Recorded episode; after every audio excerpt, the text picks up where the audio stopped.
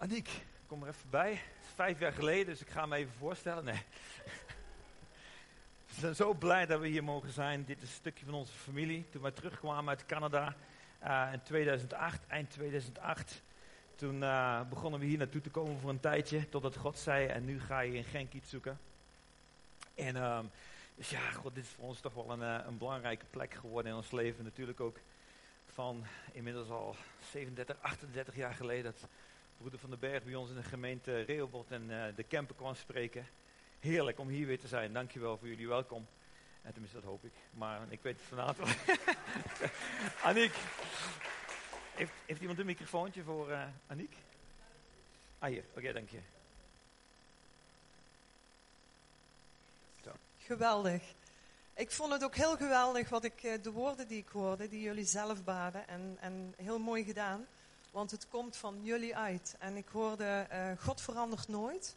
Hij blijft altijd dezelfde. En dat is voor mij ook wel een, een, een basis in mijn leven, zeg maar. Dat ik daarop kan zien. Want ik ben zoveel uh, in mijn leven meegemaakt. Dat ik denk van, ja, op wie moet ik nou vertrouwen? En God verandert nooit. In die vijf jaar is er zoveel gebeurd, ook weer in mijn leven. En ik denk ook in jullie leven. En ik denk dat in het leven waar we in leven, dat er dingen gebeuren. Maar als wij altijd vasthouden, God verandert nooit. Wat een voorrecht. Als ik soms denk aan mensen die dingen doormaken en die kennen God niet. Het eerste wat ik denk van, wauw, ik ben zo bevoorrecht, ik ken God. Hmm. Want dat is mijn basis om door dingen heen te gaan. En ik, ik voelde dat gewoon in jullie gebeden ook van, uh, en hou dat vast. Het is gewoon een bemoediging. Ik denk dat jullie dat doen, maar ik vind, wil jullie toch bemoedigen. Hou dat vast. En de tekst die elke keer op me, bij me kwam was: in, in Hem leven wij. Wacht, hè, in Hem. We live, we move, we have our being. In Hem leven wij, we bewegen en hebben ons hele zijn. Zijn wij. En dat houdt me ook altijd vast van, wauw, helemaal in Hem beweeg ik en leef ik en, en, en ben ik wat, wat, wat anders, hoe moet ik me dan anders bewegen? Dus ik heb een mooi voorbeeld niet. En jullie ook. En um, ik hoorde nog een mooi beeld, waar ik ook nog op inhaken, van, van achter die douchegordijn kijken. Nou, dezelfde moment had ik een beeld. Het was iets anders, maar ik denk dat het net een stapje verder was. Niet, niet van, maar ik zag een, een, een glazen plafond. En ik zag dat iedereen naar boven keek, naar dat glazen plafond. En het eigenlijk al zag waar we naartoe gingen. Maar de plafond was er nog. Hmm. In ieder geval, in onze gedachten was die plafond er nog. En eigenlijk is die plafond er niet. Want het is een open hemel. En ik, ik wil verder geen woorden daaraan toevoegen. Dit is wat God mij liet zien. En ik zou jullie gewoon willen bemoedigen. Kijk naar boven. Ja, dit is, dit is gewoon uh, spreekwoordelijk eigenlijk. Want je hoeft maar in je hart te kijken. Dat is Jezus ook, natuurlijk. Maar kijk naar boven en onthoud die, dat is een glazen plafond. Wij kunnen gewoon alles zien. Wij kunnen zien. Wij hebben ogen gekregen van God, niet alleen om dit natuurlijke te zien, maar ook wat er in de geest afspeelt. Heb je nooit gehad, als je ergens in een kamer komt en er wordt over je gepraat, dat je dat voelt, ervaart? Maar als, als ze over je gepraat hebben en het is positief, dan voel je ook, daar ervaar je ook. Je voelt je welkom, het is een open atmosfeer. Dit is precies ook met onze ogen en al onze zintuigen. God heeft onze zintuigen niet alleen gegeven om op deze aarde te kunnen zien, te horen, te voelen, te proeven, te smaken, noem maar op. Kom en zie. Weet je, kom en zie is niet alleen van hier en nu, maar kom en zie wat God allemaal heeft. Dus wij hebben geestelijke zintuigen en dat wou ik je meegeven. Als, als je deze week iets tegenkomt of wat dan ook, ga eens kijken en, en niet zeggen van, oké, okay, ik zie dit, dat er dat gebeurt. Maar ga eens kijken met je geestelijke zintuigen. Ga eens proeven met je geestelijke zintuigen. Wat zou God hierin willen doen? Hoe kan ik dat zien? En ga eens smaken wat God aan het doen is. Amen? Amen. Amen. Wil jij een gebed bidden? Wil jij een gebed? Ah. Proclameer een gebed. Oké. Okay. Ja, we zullen bidden daarvoor, yes. inderdaad. Dank u, Vader. Dank yes. u, Vader, voor dit opnieuw. En Heer, ik neem het ook voor mezelf weer opnieuw, Heer. Dat ik me niet laat leiden door alles wat rondom mij gebeurt of over me gezegd wordt of wat ik tegenkom, Heer, wat, wat, wat ik zie en proef en smaak en hoor met mijn natuurlijke zintuigen. Heer, maar ik wil me richten, Heer, u heeft mij geestelijke zintuigen gegeven. Heer, en bij u, Heer, wat we horen en zien en proeven en smaken en, en, en wat dan ook tast, tastbaar is, Heer. Heer, we willen onze geestelijke zintuigen openen. Heer, want u heeft ze gegeven, ze zijn beschikbaar voor ons. Help ons hierbij, Heer, om deze te gebruiken. Heer, te gebruiken en te beoefenen. Heer, u, u, u heeft alles al gegeven. Alles is in ons met de Heilige Geest en met Jezus. Heer, en we willen daarin wandelen. We willen wandelen, Heer, niet alleen in het natuurlijke, maar in het geestelijke. Want dat zijn wij op de eerste plaats. Heer, het natuurlijke Heer, dit is maar voor een tijd. Dat wij op deze aarde leven. Maar wij zijn geestelijke Oh, wezens, Heer. Jezus. En zo willen wij ons gedragen en zo willen wij ons beoefenen en groeien, Heer. En ik dank u daarvoor in de naam van Jezus. Zegen, zegen iedereen hier, Heer. Dat ze elke, ja, elk moment dat wij dat doen, Heer, weer dichter bij u komen. Heer, en dichter en mogen smaken en zeker mogen ervaren dat wij inderdaad in u het leven hebben. Dank u, Jezus. Dank u, Vader. Amen. En hou je, hou je ogen nou op Jezus gericht en leg je hand eens op je buik. En, en hou je, zet je ogen, je hart op Jezus. Ik, ik begin steeds meer te ontdenken dat, dat ik degene ben die het leven ingewikkeld maakt. en dat God, dat Jezus, juist probeert om het leven eenvoudiger te maken. Klinkt misschien raar, maar this is the truth. Zijn liefde, zijn vrede is absoluut voldoende. En overweldigend sterk en goed. En ik wil dat je je hart even zet op Jezus. Liefst heel lang, maar laten we het voor deze mensen doen. En hij luistert naar eenvoudige vragen, eenvoudige uitnodiging voor jou. Dat je gewoon zegt, Jezus, vul me met uw vrede. Vul me met uw liefde. Geef mij één reden waarom dit niet zou doen. Ja, maar broeder, ik heb gezondigd. Oké, neem tien seconden om het te beleiden. En vraag hem, Jezus, vul me met uw vrede. Vul me met uw liefde. Enige wat je nodig hebt, het belangrijkste, is die persoonlijke connectie met Jezus zelf. De rest is ter bemoediging.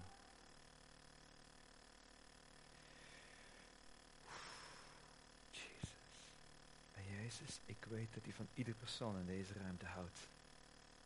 En dat u het doet.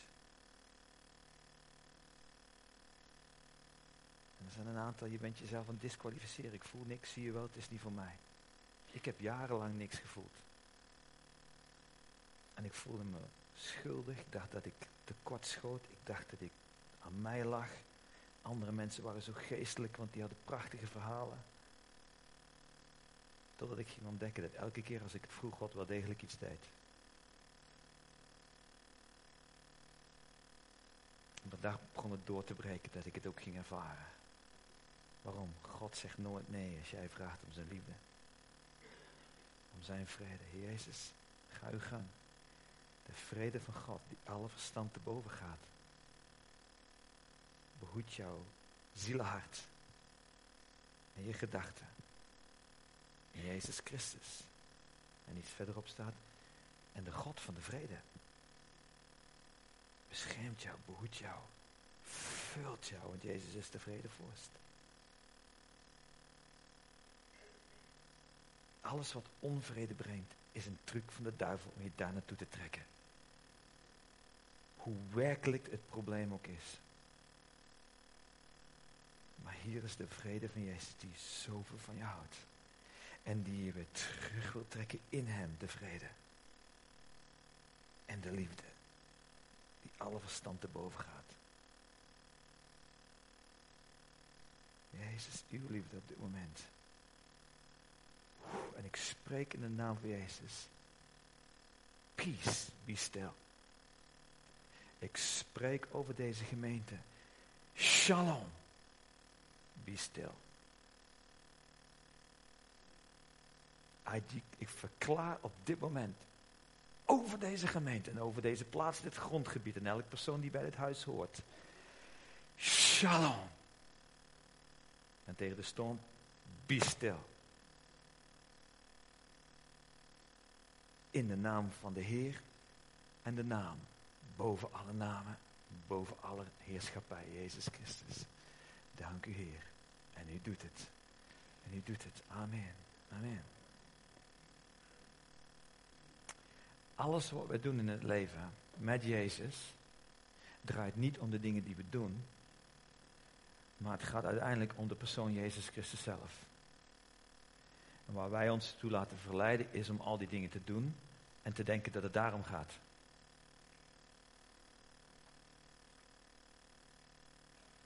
Oké.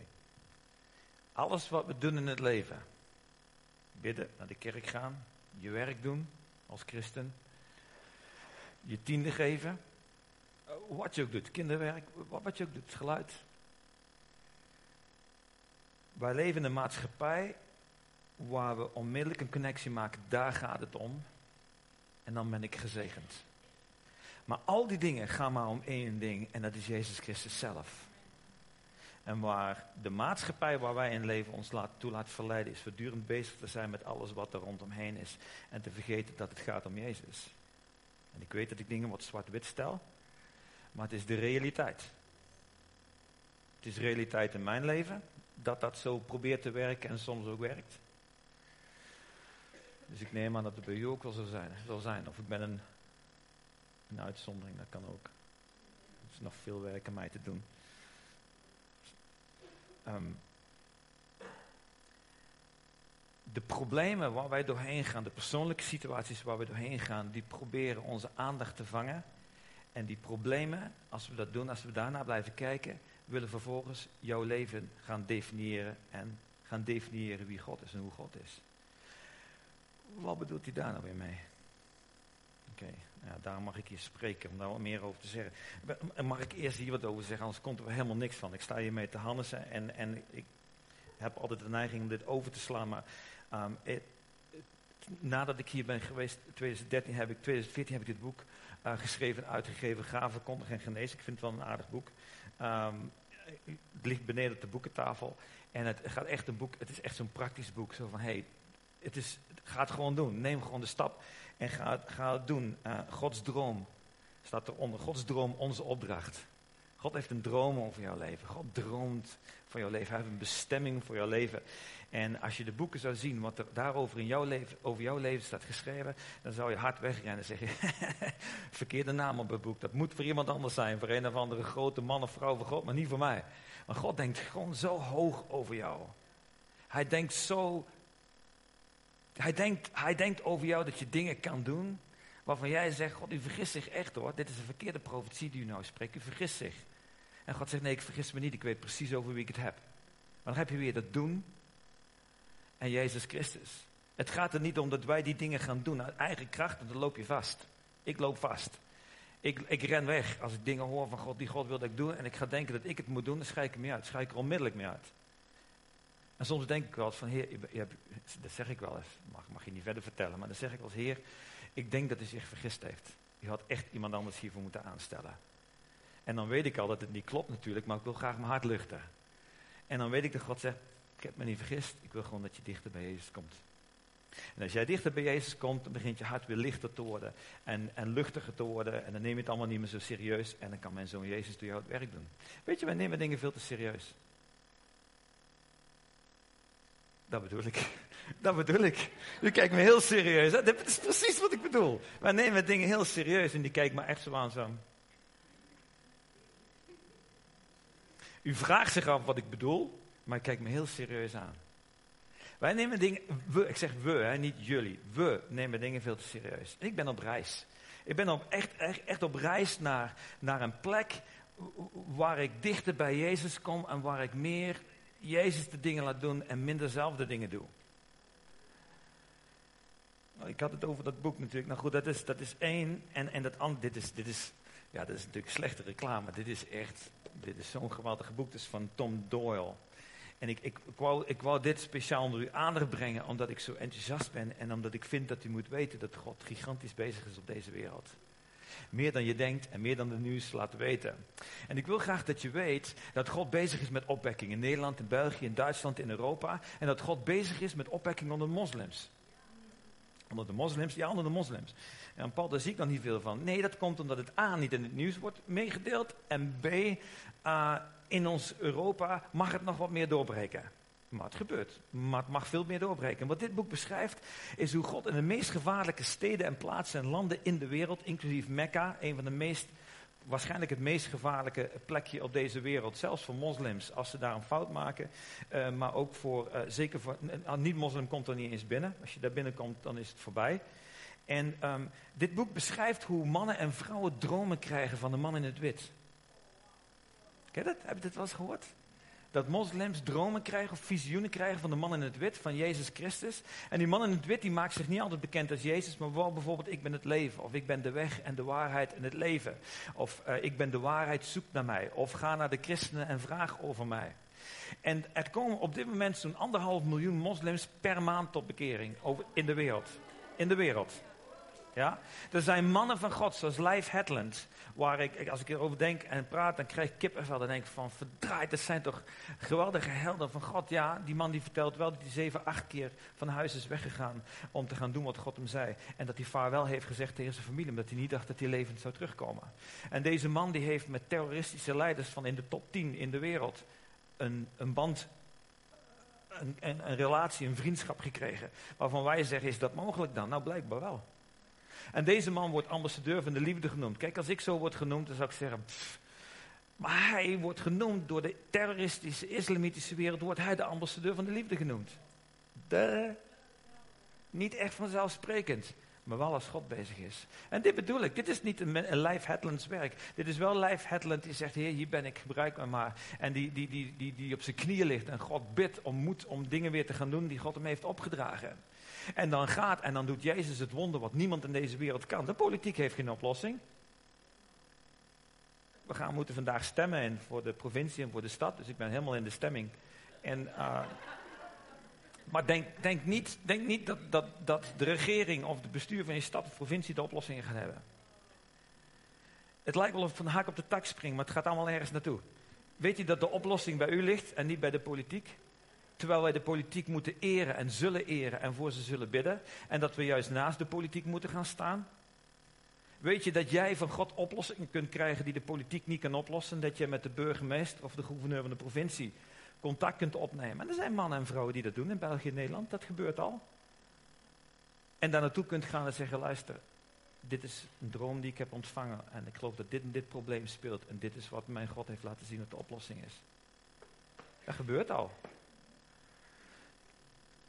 En deze Lijf Hetland die, die, die vertelde een, een poos geleden een verhaal. En hij nodigt die mannen dan ook uit en zegt: Kom. Hij moest op een gegeven moment met een van die mannen, moest die een terroristische leider die op tv had gezien, waar hij gewoon van afschuwde. En uh, God zei: Ga naar hem toe en breng hem de prijs van de vrede. hij zegt: Moet ik naar die man de prijs van de vrede brengen? En God zegt: Breng hem de prijs van de vrede. En dus hij probeert dat. Uiteindelijk zegt hij, God, we hebben het geprobeerd, we komen niet binnen. God zegt, ik heb niet gevraagd om het te proberen. Ik heb gevraagd dat je daar naartoe gaat en de prijs van de vrede gaat geven.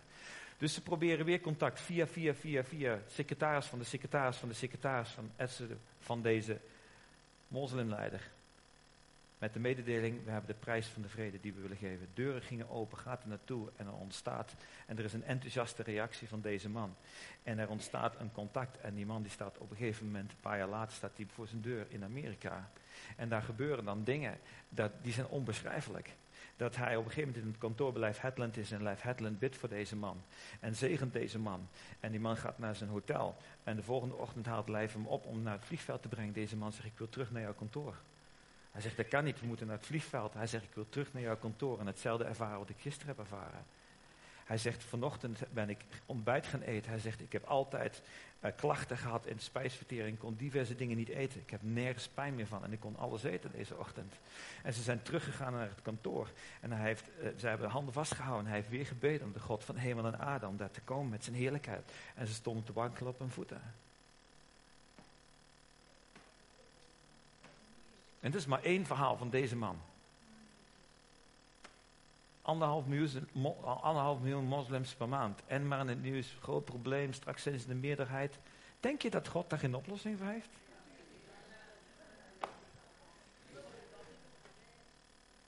God heeft overal een antwoord. God heeft overal een plan. Psalm 8, vers 3. Uit de mond van kinderen en zuigelingen zal ik mijn sterkte grondvesten. Wat de islamitische wereld zegt. En we hebben negen jaar in een moslimwijk gewoond. En fantastische moslim-Turkse vrienden. Nog steeds. Maar wat ze zeggen is, als we nou veel kinderen krijgen, komen we zelf in de meerderheid. En dat klopt. En dat is niet te stoppen. Dat is niet te stoppen. Dus, hé, dat gaat een keer fout, zeggen ze dan. Wie, hoezo? God is toch meer dan dat? 3000 jaar geleden schreef David in Psalm 8, vers 3 uit de mond van kinderen heb ik sterkte gegrondvest om wraakzuchtigen en de geweldenaars te doen verstommen. 3000 jaar geleden stond daar Gods plan in de Bijbel. Denk je dat dit. God is veel meer, maar waar kijk je naar? Waar zijn je ogen op gericht?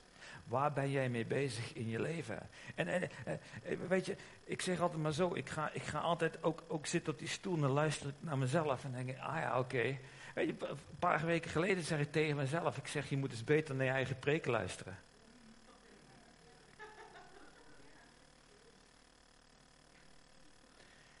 Ik ga er ook doorheen. Ik ga ook door die molen heen. Ik wil je iets vertellen over het boek Rut. Rut staat in de Bijbel. Is iemand, weet je dat? Rut. Rut was een Moabitische. Niet een volk waarvan God zegt van God, dat is nou een volk waar ik echt wil dat je mee vrienden bent. Nee, in tegendeel, God zegt ik wil niet dat je met mensen uit het volk Moab trouwt. Dat je daarmee trouwt. En um, er zijn bij ons ook wat situaties zo, weet je wel. En um, ik, een paar maanden geleden zei God tegen mij, ga Rut lezen. Dus ik ga Rut lezen. En ik en als ik weet dat God spreekt, dat ik iets moet lezen, lees ik het een paar keer, andere vertaling erbij. En dan probeer ik dat te eten van wat, wat spreekt God. En op een gegeven moment was ik met iets bezig en ik was erover nadenken. En toen zei God, God praat altijd in het Engels tegen mij. Misschien dat hij ook Nederlands spreekt, maar tegen mij is het meestal in het Engels. Oké. Hij zei tegen mij, it's not what it looks like. It's not what it looks like. Het is niet wat het lijkt. Ondertiteling. En... Uh, Dus ik was met het boek van, van Rut bezig en denk, it's not what it looks like. Is niet wat het lijkt. Is niet wat het lijkt. En, en ik zal je kort dat boek schetsen. Kort schetsen wat er in dat boek gebeurt. En um, daar heb je, daar heb je uh, Eli Melech met zijn vrouw, uh, um, hoe heet ze, uh, Naomi. En met twee zoons, Giljon en Machlon of zo. Ik heb het allemaal daar staan, maar ik heb geen zin om te pakken. Dus die twee. Wist je trouwens dat Giljon betekent, uh, betekent iets in de zin van mentale en geestelijke pijnen en dergelijke. En Machlon betekent gewoon ziek. Volgens mij zou ik die namen niet aan mijn kinderen geven. Zeker niet als ik dan in het verhaal zie wat er gebeurt. Ik geloof in iets. Ik geloof in iemand zijn naam noemen. En mijn eigen naam, mijn, naam is Paul, dat betekent kleintje. Maar dat wordt gecompenseerd met mijn tweede naam Emmanuel. God met mij. Dat is een naam die ze ook in Jezus gaven. Dus dat kleintje neem ik er dan maar, dan maar bij. Um, maar er zit iets in namen. En op een gegeven moment was er een hongersnood in Israël. En uh, soms kan er een hongersnood zijn doordat er iets in het volk gebeurt waar je niks mee te maken hebt. Maar het betreft, het, het raakt jou wel. En ze moesten hun grond verkopen. Staat, staat verder in Rut, kun je dat lezen. En het geld namen ze mee en ze gingen naar Moab toe het buurland, naar het oosten toe, om daar te gaan wonen en te kijken of ze daar een beter leven konden hebben. En, op, dit verhaal wordt, wat ik nu vertel, wordt in zeven versen verteld, of zes. En, eh, en, en, en dat, is, een wereld van ellende. En ze gaan er naartoe, dit is al ellende. Ze gaan naartoe naar een vijandig land. Nou, laten we er maar uiteindelijk naartoe gaan. Als God niet voor ons zorgt, dan gaan we daar maar naartoe. En dan hopen we dat we daar kunnen werken en eten zullen hebben. En ze gaan er naartoe en ze, ze, ze gaan daar werken en uh, Elimelech sterft. De papa sterft. Oké, maar gelukkig, we hebben nog twee zonen. De twee zonen trouwen. Na tien jaar huwelijk zijn er geen kinderen en allebei de zonen sterven. Staat niet bij waarom, maar ze sterven.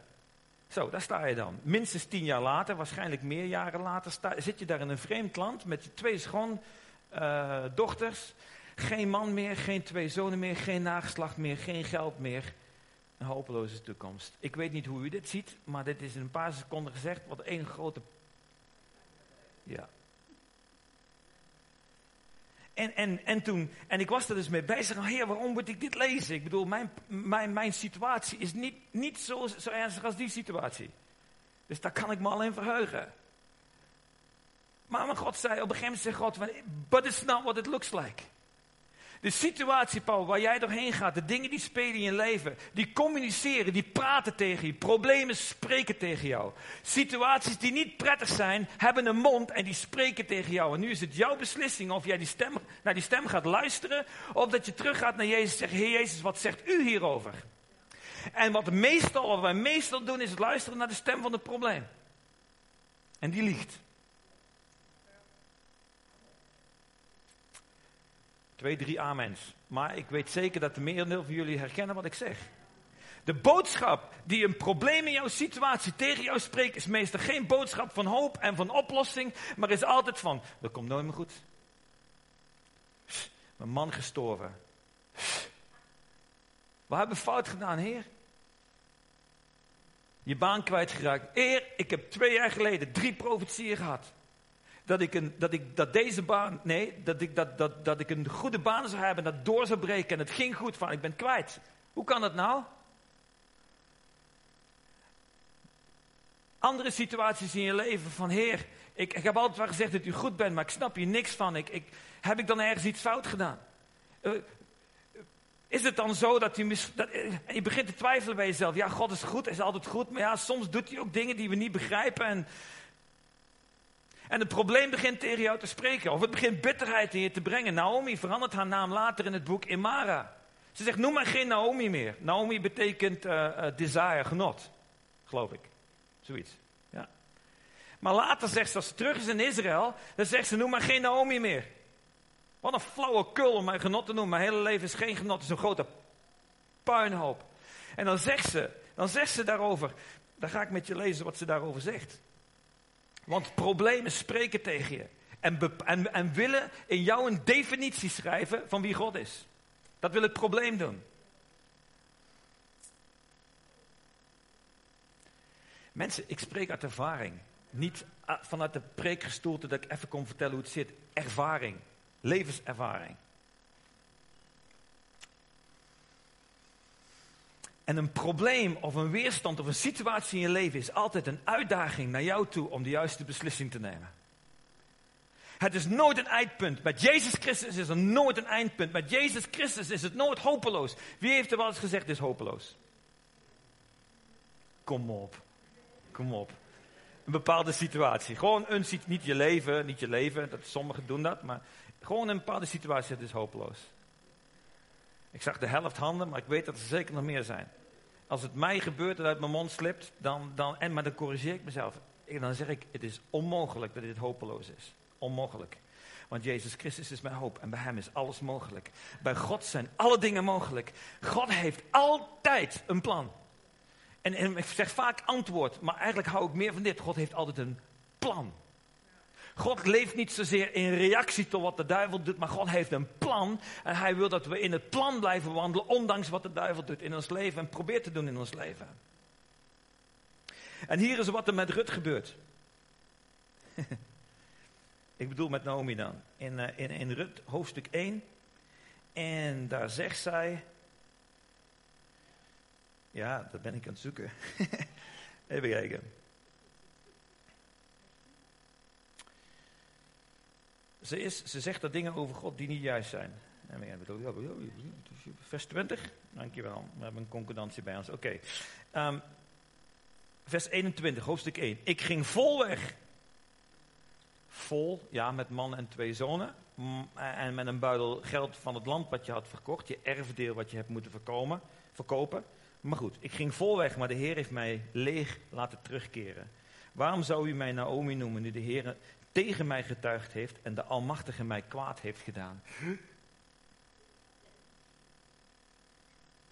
Het probleem, alles wat in de Bijbel staat is waar. Ze heeft dit gezegd. Maar niet alles wat in de Bijbel staat is waarheid. Mensen halen het boek Job bijvoorbeeld aan en beginnen erover te preken. Dat ik denk van jongens, het is waar dat er staat en dat die persoon dat gezegd heeft, maar het is geen waarheid over God. Het is waar dat Naomi dit gezegd heeft. Maar ga niet zeggen dat dit de waarheid is en dat God hun geslagen heeft en gezorgd heeft dat die man sterft en de twee zonen sterven en dat er hongersnood is en dat ze geen geld meer hebben en dat ze terug moeten naar Israël. Kom op. Maar het probleem wil een boodschap tegen jou spreken en de duivel vindt het heerlijk om daarmee te rotzooien. wat een probleem wil, is dat je ogen daarop gericht blijven.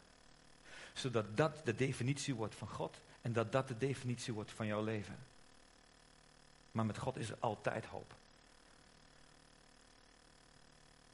En dan staat er in hoofdstuk 2, of zo. Uh, waar staat het ergens, uh, Nielsje? Nelly, Nelly, Neel, Neel, Neel. Ja. Deeltje toch, ja? Nou oké, het staat nog ergens. En dan zegt ze weer iets over, het zegt ze weer iets over God wat niet waar is, maar wat ze wel ervaart. En, en dit wil ik graag tegen je zeggen. Als dit leeft in je hart, deel het met God. Hij is daar niet van ons te boven. Hij weet het toch al. Maar je kunt er maar beter met hem over praten en je hart luchten, zodat hij dan kan gaan antwoorden op wat jij zegt. Als jij hier blijft rot, rommelen, rotzooien, rommelen in je ziel, dit is je hart. Ja, als je hier blijft en, en, je begint iets te, en je begint te worstelen met, het, met je beeld over God en je snapt dingen niet meer. En je bent eigenlijk toch wel een beetje begonnen God, ik heb hier twintig jaar in gestopt. Heb poos geleden heb ik nog gezegd, ik heb zoveel jaren dit en zoveel jaren dat. En dan zie ik daar, ik draai de knop om bam. Huh? Ik wil mijn gevoelens uiten. Ik weet ook wel dat een hele hoop van wat ik hier voel niet de waarheid is. Maar ik, het is wel waar dat ik het ervaar. En ik kan er maar beter met hem over praten. Want dan kan hij terug gaan spreken en zeggen: Paul, maar ik heb iets anders voor je. En dan op een gegeven moment kan hij iets zeggen. En dan zegt hij: Paul, it's not what it looks like. En maar heer, bababa. En dan zegt God: Maar Paul, it's not what it looks like. Het is niet zoals het lijkt te zijn. De boodschap van die situaties waar je doorheen gaat, Paul. En van dat dat niet doorgaat. En dat en dat en zus en zo. Dat is niet wat die boodschap jou probeert te vertellen, is niet waar. Dat is niet wat het is. Het lijkt zo te zijn, maar het is niet wat het is. En laten we eens gaan naar dit, naar dit boek Rut hier zo. Hoe, hoe, hoe, hoe komt nou eigenlijk deze boodschap bij dit boek? Als je dan ziet dat op een gegeven moment uh, Naomi teruggaat naar, um, naar Israël. haar man is overleden, de zoon is overleden, ze heeft er eigenlijk niks meer te zoeken. Ze zegt tegen haar twee schoondochters, ze, weet je wat, ik ga terug naar Israël. Ik heb gehoord dat ze daar weer eten hebben. Ik ga daar terug en ik hoop dat iemand me daar in huis neemt en voor mij wil zorgen. Want er zijn geen mannelijke personen meer in mijn gezin die dat doen. En ik zal wel zien, maar jullie blijven maar hier. Blijf maar bij je eigen volk, bij je eigen taal, bij je eigen cultuur en alles wat jullie gewoon is. En uiteindelijk, uh, Orpa die zegt, oké, ik blijf hier. En Rut zegt, uiteraard, ik ga met u mee. Want uw volk is mijn volk en uw God is mijn God. En hier hebben we twee verschillende dingen. Hier hebben we eerst Naomi, die haar leven en het beeld van God laat definiëren door haar problemen, ellende. Ik snap niet dat het God heeft gedaan. Waarom heeft God dit toegelaten? Ik heb zoveel jaren van arbeid hierin gestopt. En nu gebeurt dat en het lijkt allemaal weg te zijn. Ik heb één boodschap voor je. God verspeelt niks. Bij God zijn de dingen totaal anders dan bij jou. Jij denkt dat 20 jaar weggegooid is in een bepaalde situatie. En God zegt in één seconde heb ik het hersteld. Dat wat daar als vrucht uit had moeten komen, kan ik. Bam, en de vrucht is er. Weet je, God heeft de wereld in zes dagen geschapen. Denk jij dat het een probleem is om nu een situatie om te draaien? En 20 jaar werk in één seconde te doen? Duh. Ja, is taal van onze kleinkinderen. Be en de. Duh. Stef, waar ligt dat? Buh. Stef, die, die, die ratslag die jij maakt, dat kan ik ook, hè? De. Ja, in uw dromen, zegt ze dan. Die maakt zo achteroverbrug. Zegt Stef, ik kan ook een brug maken, hè? Zo achterover, weet je wel, zo. En zegt ze, ja, in uw dromen. Ik zeg, nee, kijk maar, en dan doe ik het voorover. Dat is ook een brug. Waar hadden we het over? Rut liet haar situatie door haar problemen definiëren en het beeld van God door haar problemen definiëren. Met andere woorden, haar beeld van God veranderde. En dat is wat de duivel heel graag wil. Want als dat gebeurt, neem je afstand van God. Als dat gebeurt, ga je proberen zelf je situatie. Oh, je bidt wel, laat God niet los. Maar je gaat zelf proberen de oplossing te bewerken. Van ja, als God, als God hier een probleem heeft bijgedragen, ga ik hem niet vragen om het op te lossen. Ik bedoel, dat zal dan ook wel niet gebeuren. Of gewoon de teleurstelling die je. Kent iemand dat, teleurstelling? Ook maar een paar, oké.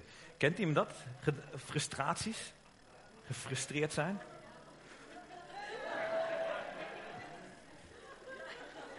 Frustraties? Irritaties?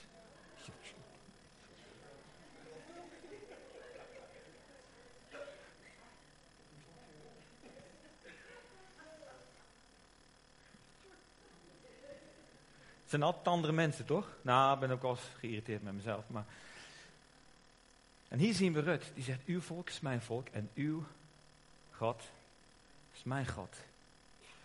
Wat doet dat mens? Ze wil haar eigen land verlaten, de eigen cultuur, de eigen familie. Dat zegt, dat zegt Naomi ook. Ze zegt, als jij meegaat, dan laat je je familie achter, je land achter en alles wat je hier hebt. Doe dat nou niet, blijf nou hier. En dan zeg je, nee, uw volk is mijn volk en uw God is mijn God. Ergens in dat, in dat, in dat kennen van de God van Naomi en van Elimelech en haar man, heeft ze iets ontdekt over de God dat ze zegt van, die God die wil ik. Dat is een levende God. Dat is iets anders dan die van steen en van goud en van, van weet ik veel wat materiaal. Dat is een andere God. Daar gaat iets van uit. Toen ze hun, hun gebeden deden, was daar een, een atmosfeer waarschijnlijk van vrede. Althans toch voor een tijdje. En daar heeft Rut iets van meegekregen. Ze zegt, uw volk is mijn volk en uw God is mijn God. De situatie, en denk goed, Rut had haar man verloren, hè? zoals weduwe. Ja, eventjes inleven. Haar eigen man was dood. Haar schoonbroer was dood en haar schoonvader was dood.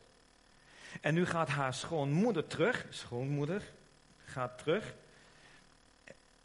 Oké, okay. komt misschien niet over, maar haar schoonmoeder gaat terug en zegt: Ik ga met mijn schoonmoeder. Misschien is dat meer iets mannen en schoonmoeder. Oké, goed. Maar ze gaat terug met haar schoonmoeder en zegt: Maar uw God is mijn God. En dit, dit is de essentie van, van haar verhaal. De problemen in haar leven hebben niet haar beeld van God gedefinieerd, maar hebben gezegd, ik wil met jou mee, Naomi, want jouw God is mijn God. En wat ze Naomi hoort zeggen, ze hoort ook wel zo, je ziet een gefrustreerde, gewonde vrouw.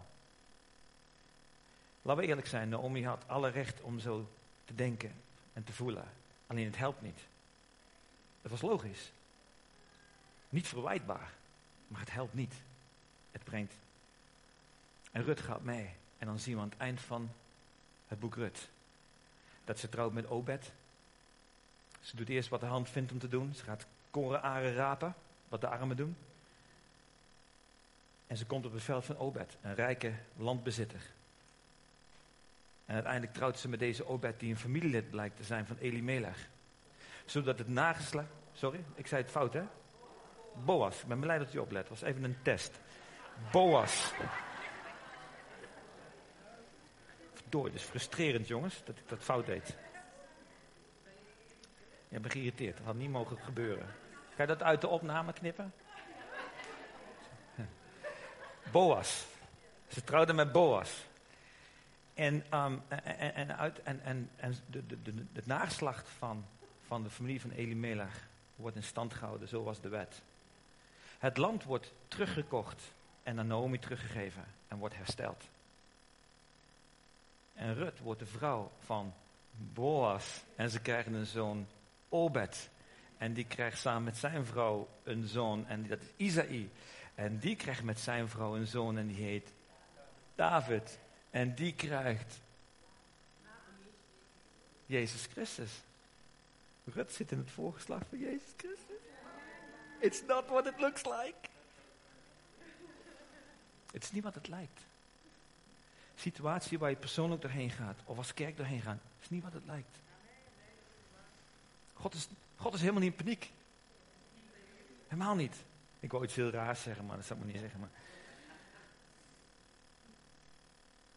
Blijdschap is zoiets fantastisch. En God is gewoon, hij is de blijdschap. Hij ziet wel wat er gebeurt, maar, en ik, ik zeg wel eens tegen God, ik snap niet hoe u niet bitter en boos wordt met de puinhoop die u ziet in deze wereld. En ik beloof je mensen dat wij niet meer zouden kunnen verder leven als ze zouden weten wat er werkelijk allemaal in deze wereld gebeurt. Dat kan je niet dragen. Dat kunnen wij niet verdragen. En God ziet het. En hij is zo blij als een, als, als God. Hij, hij, is, ik meen dit serieus, hij is één bonk van, van vreugde, levensvreugde. Waarom? Hij heeft een plan en het enige wat hij zoekt, lieve mensen, is dat jij, jij, jij, jij, jij, jij, jij, wat je situatie is, klein of groot, of je nou één jaar bent of je bent tachtig jaar, eh, of je nou man bent of vrouw bent, of je, eh, of je wat voor afkomst je hebt, wat voor, wat voor volk je, wat je hebt meegemaakt, wat je fout hebt gedaan. Hij zoekt het om met jou te kunnen samenwerken, zodat zijn plan kan doorgaan. Wat is zijn plan? De opwekking die nu aan het uitbreken is, maar nog onder de grond is in Nederland, België, Duitsland en Europa.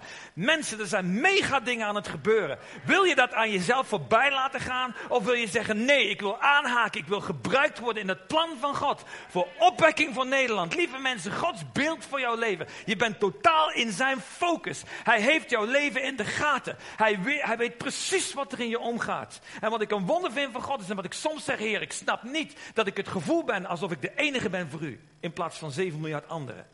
Dat gevoel heb ik bij God. God kent je volkomen waar je, waar je in zit in die situatie. Maar hij draait niet de knop op zodat het om, om, zodat het opgelost is. Hij wil jou daardoorheen leiden zodat je sterk wordt, want er is een opwekking in aantocht waar jij voor nodig bent. En jij zegt, ja maar ik kan niet preken. Dan doe iets anders. Of doe gewoon preken als God zegt dat je zult preken. God heeft gisteren weer dingen gesproken. We hadden gisteren profetenschool bij ons in, in, um, in Genk. Hoe laat leven we? Ik, zit nog op, ik zit nog op het schema. Oké. We hadden gisteren profetenschool in, in uh, kun je leren namelijk. En, um, en dat hadden we in Genk. En er werd de profetie uitgesproken. Ik zeg, ik zeg tegen de Heer, u kunt daar beter maar een hele hoop andere dingen bijgeven. Anders weet ik niet hoe ik dat moet doen. Ik heb geen flauw idee. Dus ik ging naar Aline Westerhof, die daar was. Ik zeg, luister, jij doet die dingen al. Niet met betrekking tot profetie, maar andere dingen die geprofiteerd worden. Dat is niet zo interessant. Hier. Maar ik zei tegen haar, ik zeg, ik weet dat jij die dingen al doet. Help. Wil jij mijn mentor als die dingen gaan gebeuren? Want ik heb geen flauw idee wat ik moet doen. Waarom? Wel, waar ik mee begonnen ben. Jezus wil niet dat ik het doe uit ervaring of eigen kracht. Niet door kracht of geweld, maar door mijn geest, zegt de Heer. En dat is ook echt waar. Denk jij dat Mozes drie miljoen mensen uit Egypte kon uitleiden? Denk je dat hij zo'n...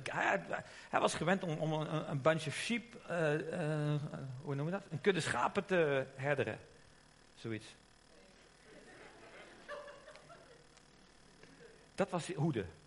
Dat is wat hij gewend was. Niet om drie miljoen mokkende mensen uit te leiden uit Egypte. Hij probeerde er ook onderuit te komen als je goed leest. Maar hij wist dus niet door kracht of geweld. Op een gegeven moment ging hij ontdekken. En, en dit vind ik zulke bemoedigende verhalen. Dat is Gideon en al die andere mannen en vrouwen van God in de Bijbel. Dat wat ik zie is dit. Dat God ze niet gekozen heeft omdat ze zo bekwaam waren. Maar dat God het gewoon probeerde en wachtte of ze ja zeiden. Wat is jouw antwoord?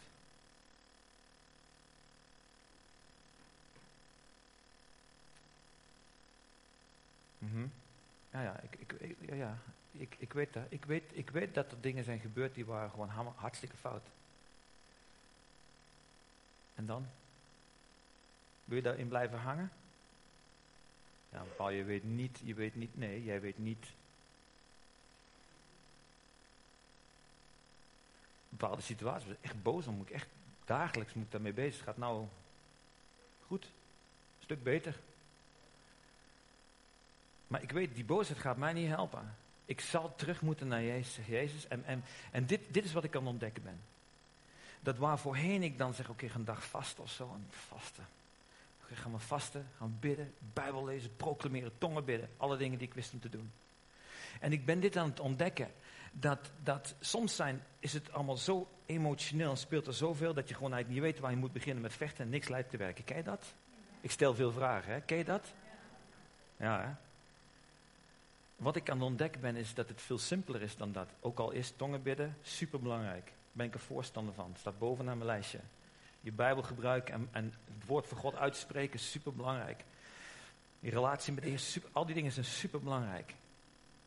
Maar Jezus zegt ergens tegen Maria, die probeert Martha aan de gang te krijgen. Dus, uh, nee, weer omgedraaid. Martha. Ik was, nu had ik het zelf, hè? Jij was er al. Martha. Martha die haar zuster Maria probeerde aan de gang te krijgen. Maria, probeer, doe nou eens wat. We hebben gasten hier, we moeten koken, we moeten bedienen. En dan probeert ze het via Jezus. Dat is een soort van bidden. Jezus zorgt dat zij, hij, manipulerend gebed. En, uh, en, en, en Jezus zegt, Martha, Martha, over vele dingen maak je je bezorgd. Maar slechts één ding, Engelse, Griekse vertaling uit het Grieks, slechts één ding is noodzakelijk. De rest is goed, maar één ding is noodzakelijk. Ze zegt, en dat is wat je zus doet, en dat zal niet van de afgenomen worden. Wat is dat dan? Dat is wat we er straks deden toen we begonnen. Je gaat op een stoel zitten of je gaat de natuur in. Je gaat ergens het bos in of ergens waar jij je op je gemak voelt. Misschien is het in je auto, ergens in de natuur. Misschien is het op een bankje zitten. Misschien is het thuis op de fauteuil. Misschien doe jij het makkelijk als je ligt op een bank. Ik niet, want dan val ik in slaap. Dus op de bank of op bed gaan liggen. Misschien werkt het voor jou wel en val je niet in slaap. zeg je, Jezus, in deze situatie ontvang ik uw vrede. Vul met die vrede. U bent, u bent vrede. U bent liefde. En ik heb liefde nodig, want ik schiet te kort. ik kreeg vanochtend van een pastorvriend een sms'je. En voor de grap zei hij, omdat hij iets was vergeten, hij zegt, hij zegt, but you must, you must love me. je moet nog steeds van me houden. Zijn situatie geen probleem. Maar er zijn soms situaties die ik denk van, daar heb ik geen zin in. Daar heb ik echt geen zin in. Dat is gevoel. Gods woord zegt, de enige oplossing, hou ervan. En zeg, oké, dat lukt me niet, Jezus. En dat is niet in mijn geval, maar er kunnen dramatische situaties zijn waar je zegt, daar begin ik niet aan. Maar dit is, dit is het geheim. Als je het wel doet, geeft het jouw doorbraak. Geeft het jouw overwinning. Zodat inderdaad wat God aan het doen is, het plan van jouw leven, gewoon door blijft gaan. Because it's not what it looks like. Het is niet wat het lijkt. Met de gemeente, het is niet wat het lijkt. Lieve mensen, ik zeg het nog een keer vanaf deze plek. Luister goed. Het is niet wat het lijkt. Ken je dit liedje? Let it go, let it go. Ja, Paul, je hebt makkelijk praten. Nee, ik heb niet makkelijk praten. Ik kan uren doorvertellen over dat het niet makkelijk praten is. Maar dat het wel de oplossing is. Let it go. Ik heb een lijst onbeantwoorde vragen. Die heb ik gesteld aan God en geparkeerd en gezegd, die antwoorden krijg ik toch niet. Dan mag ik hiermee eindigen. Dankjewel. Jezus Christus aan het kruis, stervende, alle zonde, ellende en smerigheid van de hele put van de hel en van de wereld op hem. Mijn God, mijn God, waarom heeft u mij verlaten? Hij stelde een vraag in het donkerste momenten van zijn bestaan en zijn leven, van zijn bestaan. Hij stelde een vraag, mijn God, waarom heeft u me verlaten? En voor zover ik ben geïnformeerd, heeft hij geen antwoord gekregen. Wat mij betreft was dat een uitstekend moment geweest. En dat zeg ik niet als een grap. Was het een prachtig moment geweest dat God had gezegd, dit is mijn zoon, mijn geliefde, in wie ik een welbehagen had. Twee keer eerder heeft Jezus, God dat gesproken uit de hemel. Dat was toch een mooi moment geweest. Geen antwoord. Maar Jezus vertrouwde in het karakter van zijn vader en ging door tot het laatste moment. Die zei, mijn God, in uw hand beveel ik mijn geest. En dit is wat ik u zou kunnen aan, wat ik zou aanbevelen. Beveel jouw leven in Gods hand, jouw vaders hand. Als je vragen hebt, dat is prima, je hebt ze toch. Schrijf ze op, stel ze, parkeer ze. Dan zeg Heer, waarschijnlijk krijg ik hier toch wel een antwoord op. As a matter of fact, jaar, heel lang geleden was het, waren bepaalde situaties en ik ging proberen de antwoorden te zoeken. En het werd steeds erger. En toen zei een wijze man van God tegen mij, hij zegt, stop met antwoorden te zoeken, want je krijgt steeds meer vragen. Hij zegt, laat het terug aan God en kies om achter Jezus aan te gaan. Een andere situatie in mijn leven, dat ik dingen zag gebeuren, ik zeg, Heer, ik stop ermee. Passé. Nada. Niente. That's it. En onmiddellijk had God zijn woord klaar. Kijk dat? God heeft... Hij zei, volg jij slechts mij. Wat Jezus zei tegen Petrus. Volg jij slechts mij. Hou je niet bezig wat ik met je anders doe. Volg jij slechts mij. Het was een hele rot situatie die gebeurde. Ik, echt, nou, ik heb het gehad. Niet met God. Maar de hele rest kan van mij... Ik zoek mijn eigen plan, trek mijn eigen plan wel. En God zegt, volg jij slechts mij. Wie wil dat? Jezus volgen. Wil je gaan staan als je Jezus wil volgen? En wil je alsjeblieft je vrij voelen? Als je zegt, dit spreekt mij niet aan, ik blijf zitten. Of misschien wil je dat dat niet gezien wordt, dan ga je gewoon wel staan. Maar waar het mij om gaat is niet wat je doet voor mij, maar waar het mij om gaat is wat je doet met je hart naar Jezus. Jezus ziet je hart aan. Wij zien wat voor ogen is. Ik kan iemand zien blijven zitten en denk, nou die heeft er dus geen zin in. Blijkt achteraf dat die persoon niet kan staan. Snap je wat ik wil zeggen? Maar God weet wat in jouw hart is. En ik doe nog één keer de oproep voordat we die stap gaan maken. Nog één keer doe ik de oproep. Je gaat geen antwoorden krijgen op elke vraag. Maar wil jij beslissen om dat te onderwerpen aan Jezus Christus zelf en zeggen, Jezus, ik vertrouw u. Misschien krijg ik ooit antwoorden, misschien niet. Maar ik volg slechts u. Het is niet zoals het lijkt te zijn. In jouw persoonlijk leven of in deze kerk. Ik zeg je, deze kerk is geboren voor opwekking. Dat was het hart van de stichters van deze gemeente. Dat is het hart vanuit Rotterdam, van waaruit dit geplant is. Opwekking. Die blijft. Lieve mensen, Laat dat in je vaandel blijven staan. Opwekking voor Limburg. En vanuit Limburg naar Duitsland, naar Frankrijk, naar België, de rest van Nederland. Laat dit een huis worden waarin mensen uitgaan en opwekking brengen in andere plaatsen. Laat dit een huis zijn van opwekking. Waarom? Omdat het het bloed van Jezus eer brengt. Het brengt het bloed van Jezus Christus eer. Een poos geleden zei ik tegen Jezus, Heer, eigenlijk, weet u, ik geef het gewoon terug. En toen dacht ik, toen zei ik even later zeg, nee dat doe ik niet. Dat doe ik niet. Elke druppel bloed die u heeft laten vloeien, moet zijn opbrengst kunnen brengen. Hier ben ik, gebruik mij. Zoals u mij wil gebruiken. Want ik wil dat het bloed van Jezus Christus door mijn leven zijn maximale opbrengst krijgt. Halleluja. Oké, richt je hart op Jezus. Jezus, hier zijn wij en we nemen een beslissing. En ik, ik wil gewoon dat je, dat je in je hart naar Jezus toe zegt, ja, als je het ermee eens bent met wat ik zeg. Oké, gewoon in je hart. Onthoud, het is tussen jou en Jezus Christus, maar jouw wilsbesluit op dit moment is belangrijk. En waarom ik wil dat je het in je hart doet, is omdat ik echt zeker voor, dat weet dat jij zelf ook weet dat je ja of nee zegt en niet voor je buurman of buurvrouw. Oké?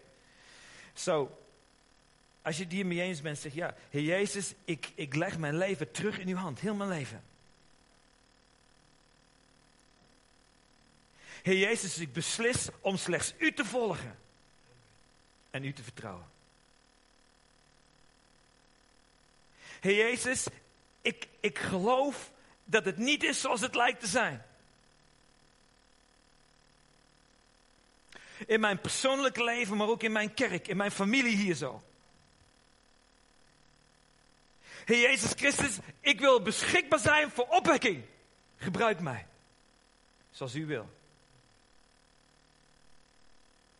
Oké, hier komt een tricky. Heer Jezus, mijn boze gevoelens en emoties. Help me alsjeblieft. Ik geef het aan u.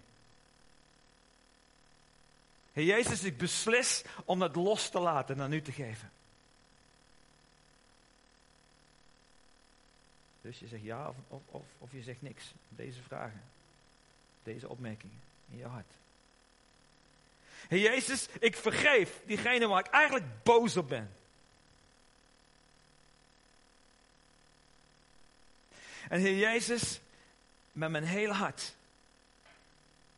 zegen ik hun levens, dat uw plannen in hun levens werkelijkheid zullen worden, zoals u dat wenst te doen.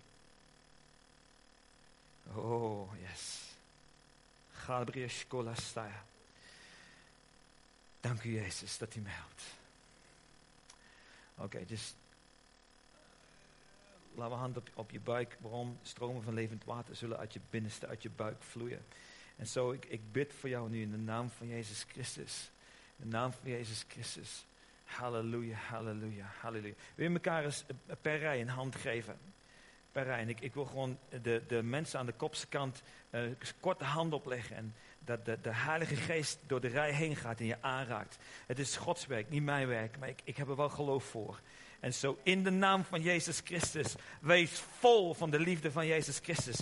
Doorbraak over je persoonlijke leven, wie je ook bent, wat de situatie ook is. Doorbraak. En ik spreek de vrede van Jezus Christus. De vrede van Jezus Christus. Door deze rij heen, de vrede van Jezus Christus. Power, we released in Jezus' naam. In de naam van Jezus Christus, de vrede van Jezus.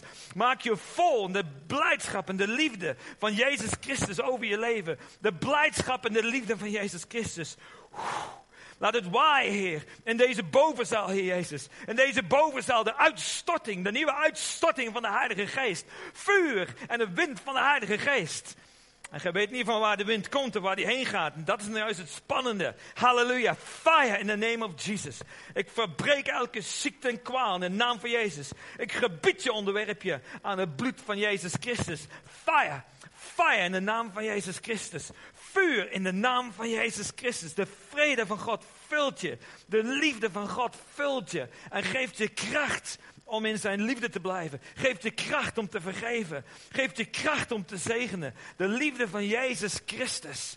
De liefde van Jezus Christus, de vrede van Jezus Christus is en blijft met je. De vrede van Jezus Christus vult je. Vul, vol. Raak aan, Heer Jezus. Val met uw salving op dit moment over deze prachtige gemeente. Salf, Heer. Zegen met uw vrede en met uw liefde, Jezus. Zegen en maak vol met uw blijdschap. Jezus, u bent Heer. Jezus. En hij luistert naar je. Hij luistert, hij hoort je. En ga gewoon thuis zitten. Zeg, Jezus, vul me opnieuw met uw liefde. Vul me opnieuw met uw vrede. En de God van de vrede zal het doen. Halleluja. Halleluja. En vader, zo spreek ik een zegen uit over dit huis. Kom en zie schinnen. Een huis vol van leven. Een huis vol van profetische woorden die de omgeving en de wereld verandering zal brengen. Uit dit huis zullen profetische woorden gesproken worden, die plaatselijk, maar ook regionaal en zelfs in de wereld effect zullen hebben, doordat mensen uitgaan op grond van deze woorden. Er zullen uh, Heilige Geest bommen ontploffen op onverwachte momenten, die vreugde zullen brengen en vrede zullen brengen. En ik zie mensen uitgaan naar allerlei continenten in deze wereld en het evangelie daar uitdragen, waardoor zegen weer terugkomt naar deze gemeente uh, van Jezus Christus. Ik zie opwekking, ik zie het vuur en ik zie de bazuin klinken zoals bij Gideon. Een van die zogezegd 300 plaatsen waar God zijn opwekking heeft bepaald. Want God zoekt landingsplaatsen. God zoekt landingsplaatsen. God zoekt landingsplaatsen voor zijn opwekking. God zoekt landingsplaatsen. Dit is een landingsplaats gekozen door God om te kunnen landen met zijn opwekking. Houd dat vast. Bescherm dat als familie met elkaar. Ga eromheen staan en zeg: Heer, dit is uw landingsplaats voor opwekking. Want hiermee zijn duizenden, tienduizenden reddingen uh, verbonden. Door de naam van Jezus. Bescherm dit huis. Bescherm elkaar. En ik zegen je daarmee in de naam van Jezus Christus. Glorie voor Jezus. Amen. Amen.